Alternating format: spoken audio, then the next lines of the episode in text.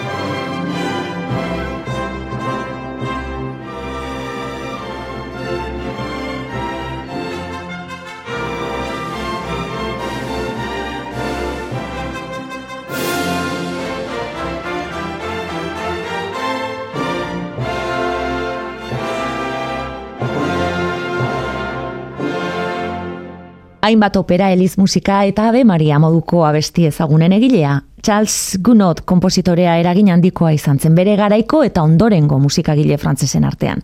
Marche Pontificale deituriko himnoaren egilea ere bada. Vatikanoaren ere serkia mila bederatzirun eta berrogeita bederatzi ezkeroztik.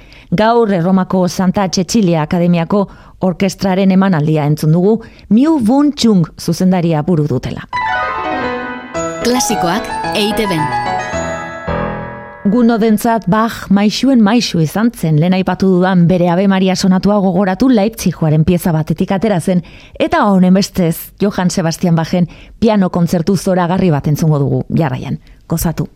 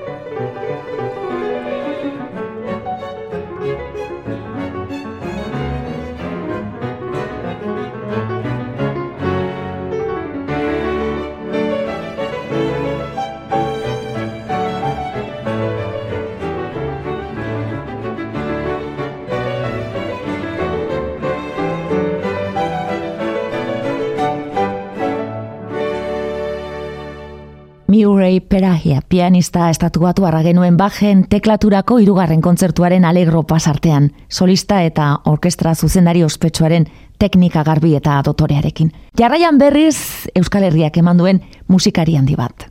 Jesus Guridi, gazteiztararen pieza erligioso bat entzungo du.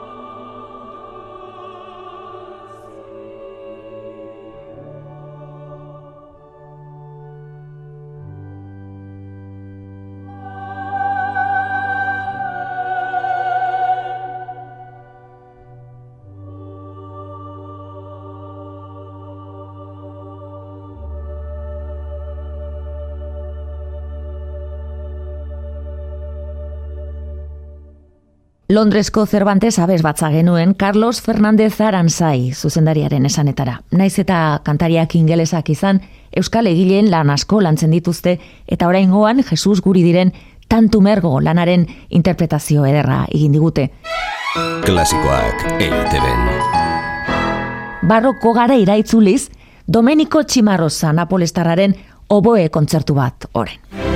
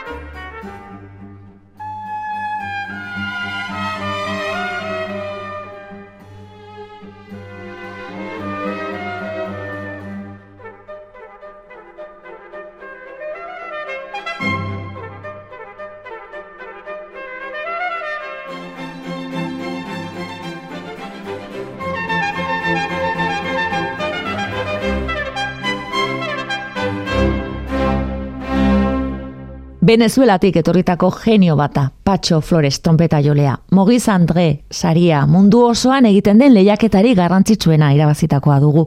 Eta Domenico Chimarosaren oboe kontzertu baten moldaketa batean entzun dugu hemen. Klasikoak EITB-en.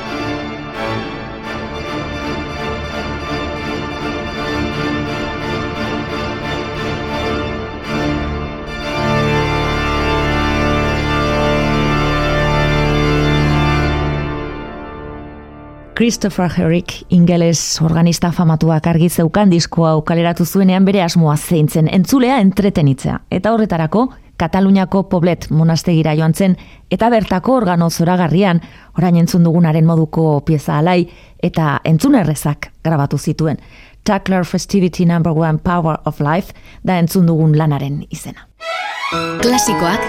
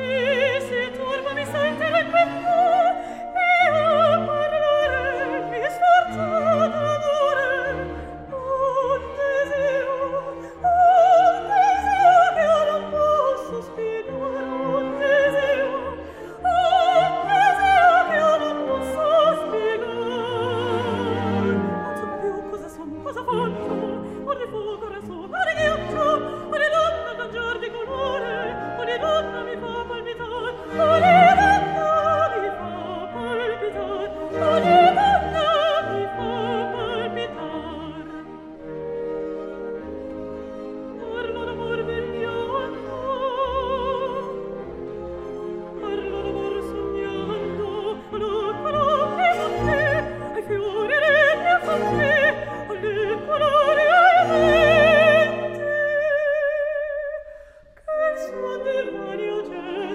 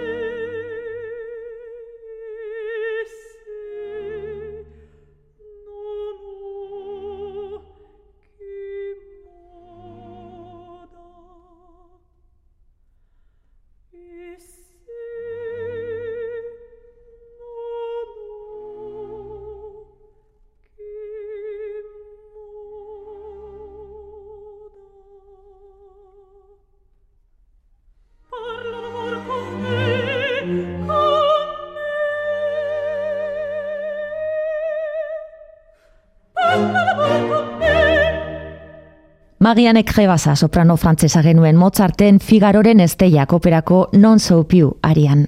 Eta orain, Sarasateri, nazioarteko kompositore ezagunenetako batek Antonin Borsak txekiarrak eskenizion pieza ederra.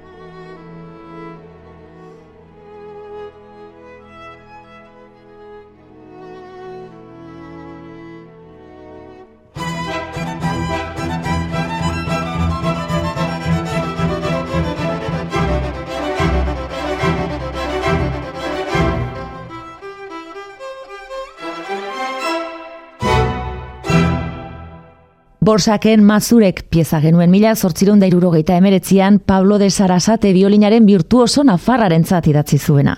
Ilia Gringolds biolinean eta Nikola Gerinik zuzenduriko Pragako Filarmonia Orkestra entzun ditugu. Eta ez galdu orain berpizkundeko matzone kompositorearen Come la Baga Aurora. La Bage Ninfa Ensemble, Maria Antonieta Kantxelaro organoan eta Natalia Bonello flauta jotzailearekin.